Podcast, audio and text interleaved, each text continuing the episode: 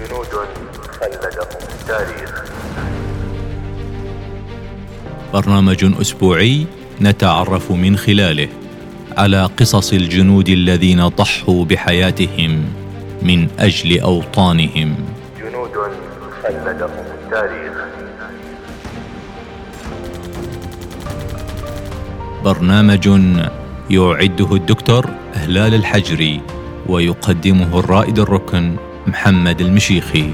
جنود خلدهم التاريخ. هوراشيو نيلسون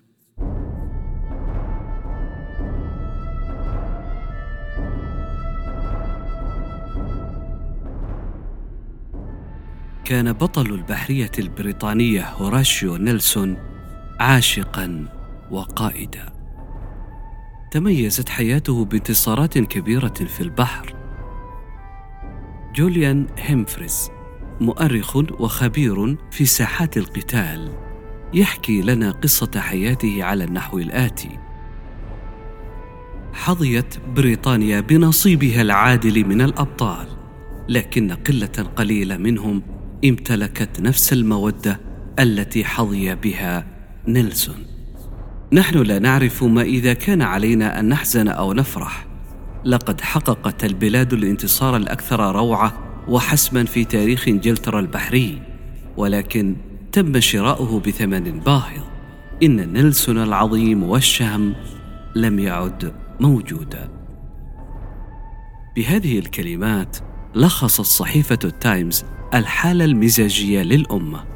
حيث قوبل نبأ وفاة نيلسون في معركة الطرف الأغر بفيض من الحزن العام الذي لم يقابله حتى وفاة ديانا أميرة ويلز تقريبا بعد مئتي عام.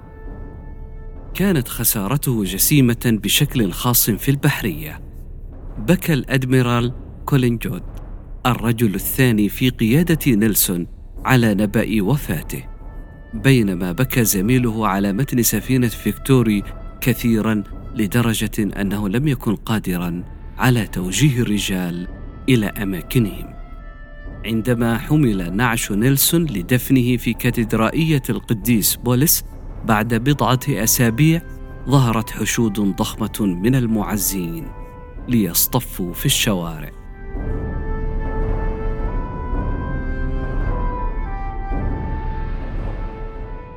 ولد هوراشيو نيلسون في التاسع والعشرين من سبتمبر من عام 1758 في قرية نورفولك في برنهام ثورب حيث كان والده كاهن الأبرشية. وعلى الرغم من أنه تم تعميده على عجل لأنه لم يتوقعه أحد أن يعيش فقد ولد قبل أوانه نجال نيلسون. ولكن في عام 1767 عندما كان في التاسعة من عمره توفيت والدته.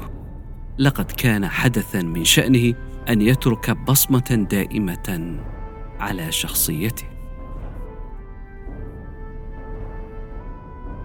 نما نيلسون وصار فتى يافعا مندفعا لديه إيمان ديني قوي يتوق إلى المودة والاهتمام والرضا وهي السمات التي سيحملها معه إلى قبره.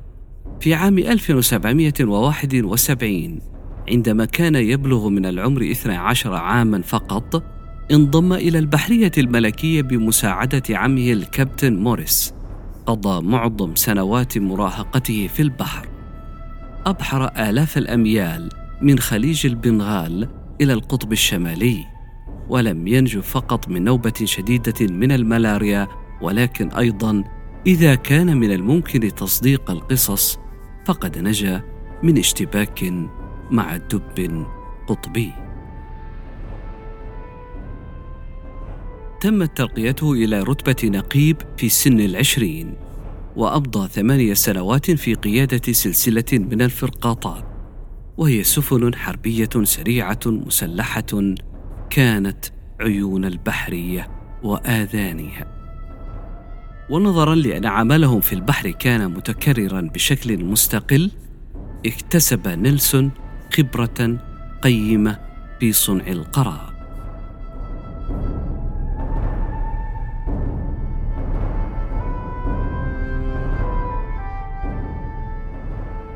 في عام 1973 عندما اندلعت الحرب مع فرنسا الثورية أعطي نيلسون قيادة السفينة الحربية أيامينون وتم إرساله للانضمام إلى أسطول البحر الأبيض المتوسط تحت قيادة اللورد هود. كانت فرصة نيلسون الكبيرة وكان مصمما على اغتنامها. كتب ذات مرة إذا كانت الرغبة في المجد خطيئة فأنا أعظم روح على قيد الحياة. وفي عام 1794 شارك نيلسون في الاستيلاء على كورسيكا أثناء القتال على الأرض في كالفي. فقد البصر كليا تقريبا من عينه اليمنى. عندما أصيب في وجهه بالحصى الذي ألقته قذيفة مدفعية فرنسية. كانت هذه هي المرة الأولى من بين عدد من الجروح الخطيرة التي عانى منها نيلسون. وهذا دليل على أنه رغم تعطشه للمجد قد يعرض الرجال الذين تحت إمرته للمخاطر ولكنه كان على استعداد دائم لتحملها.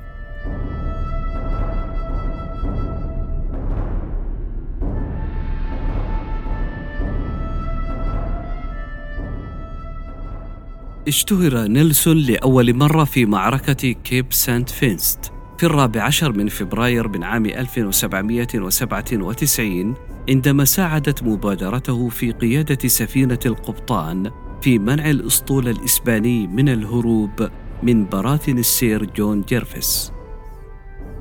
في ذروة المعركة استولى نيلسون على سفينتين إسبانيتين هما سان نيكولاس وسان خوسيه وقاد فرقة اقتحام السفن شخصيا من واحدة إلى أخرى كان من غير المعتاد للغاية أن يقود ضابط الراية مثل هذا الهجوم.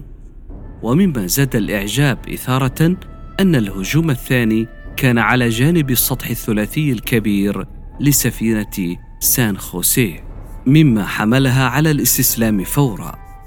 أصبح هذا العمل البطولي معروفا في البحرية الملكية باسم جسر نيلسون لبراءة الامتياز.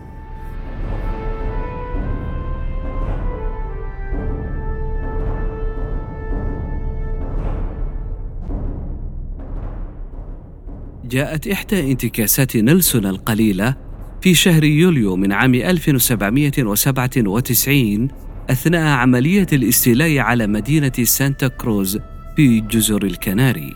أثناء الهجوم الفاشل الثاني فقد نيلسون ذراعه اليمنى حين كان يقود إحدى فرق الإنزال في محاولة للهجوم على المدينة من الأمام. في عام 1798 قام بقيادة أسطوله الخاص المكون من 14 سفينة ودمر أسطولا فرنسيا مكونا من 17 سفينة في معركة خليج أبو قير عند مصب النيل في مصر. كان ذلك أكبر انتصار في عصر الشراع وكانت جميع العناصر الرئيسية للنظام النلسوني حاضرة. الشجاعة الشخصية والعبقرية التكتيكية ومشاركة أساليبه المبتكرة مع قادته.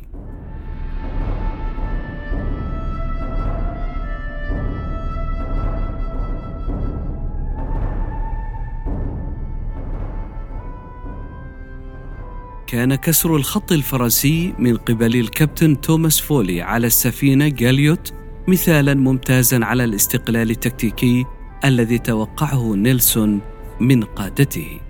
بعد المعركة استقر نيلسون في نابولي حيث بدأ ارتباطه الشهير بالسيدة إيما هاملتون. كان نيلسون هو القبطان الثاني في قيادة الأسطول الذي تم إرساله ضد الدنمارك في عام 1800 ورغم أنه فقد البصر من إحدى عينيه استطاع أن ينفذ هجوما ناجحا على كوبنهاجن. بعد هذا النجاح تمت ترقيته إلى نائب أميرال وتولى قيادة أسطول البحر الأبيض المتوسط في عام 1803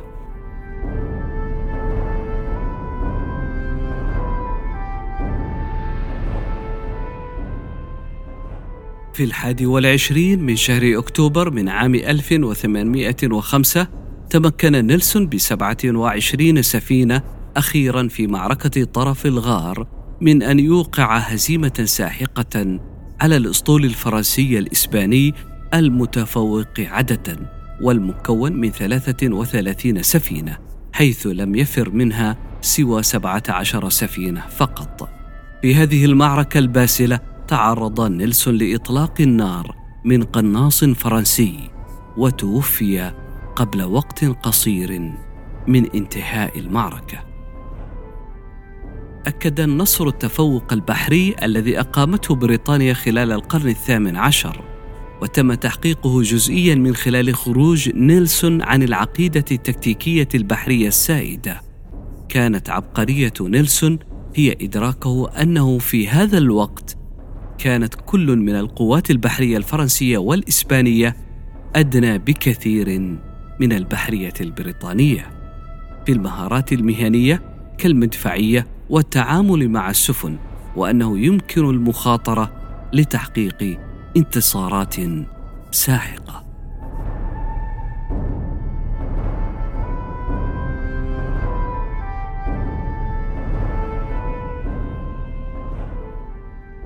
ضمنت وفاة نيلسون في معركة طرف الغار مكانته كأحد أكثر الشخصيات بطولية في بريطانيا.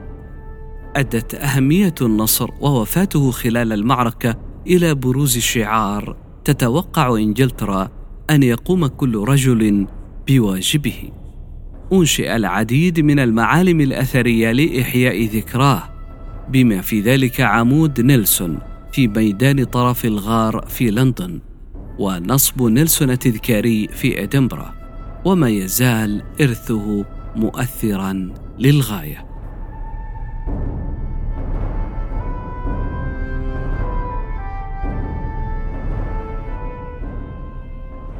إن شغف نيلسون بالمخاطرة أفقده عينه وذراعه وحياته في نهاية المطاف ولكن بمهاراته القيادية الرائعة ابتكر أسطورة تلهم البحرية الملكية حتى يومنا هذا وأصبح من الجنود الذين خلدهم التاريخ. جنود خلدهم التاريخ. برنامج أسبوعي نتعرف من خلاله على قصص الجنود الذين ضحوا بحياتهم من أجل أوطانهم.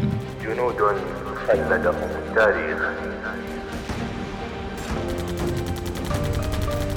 برنامج يعده الدكتور هلال الحجري ويقدمه الرائد الركن محمد المشيخي.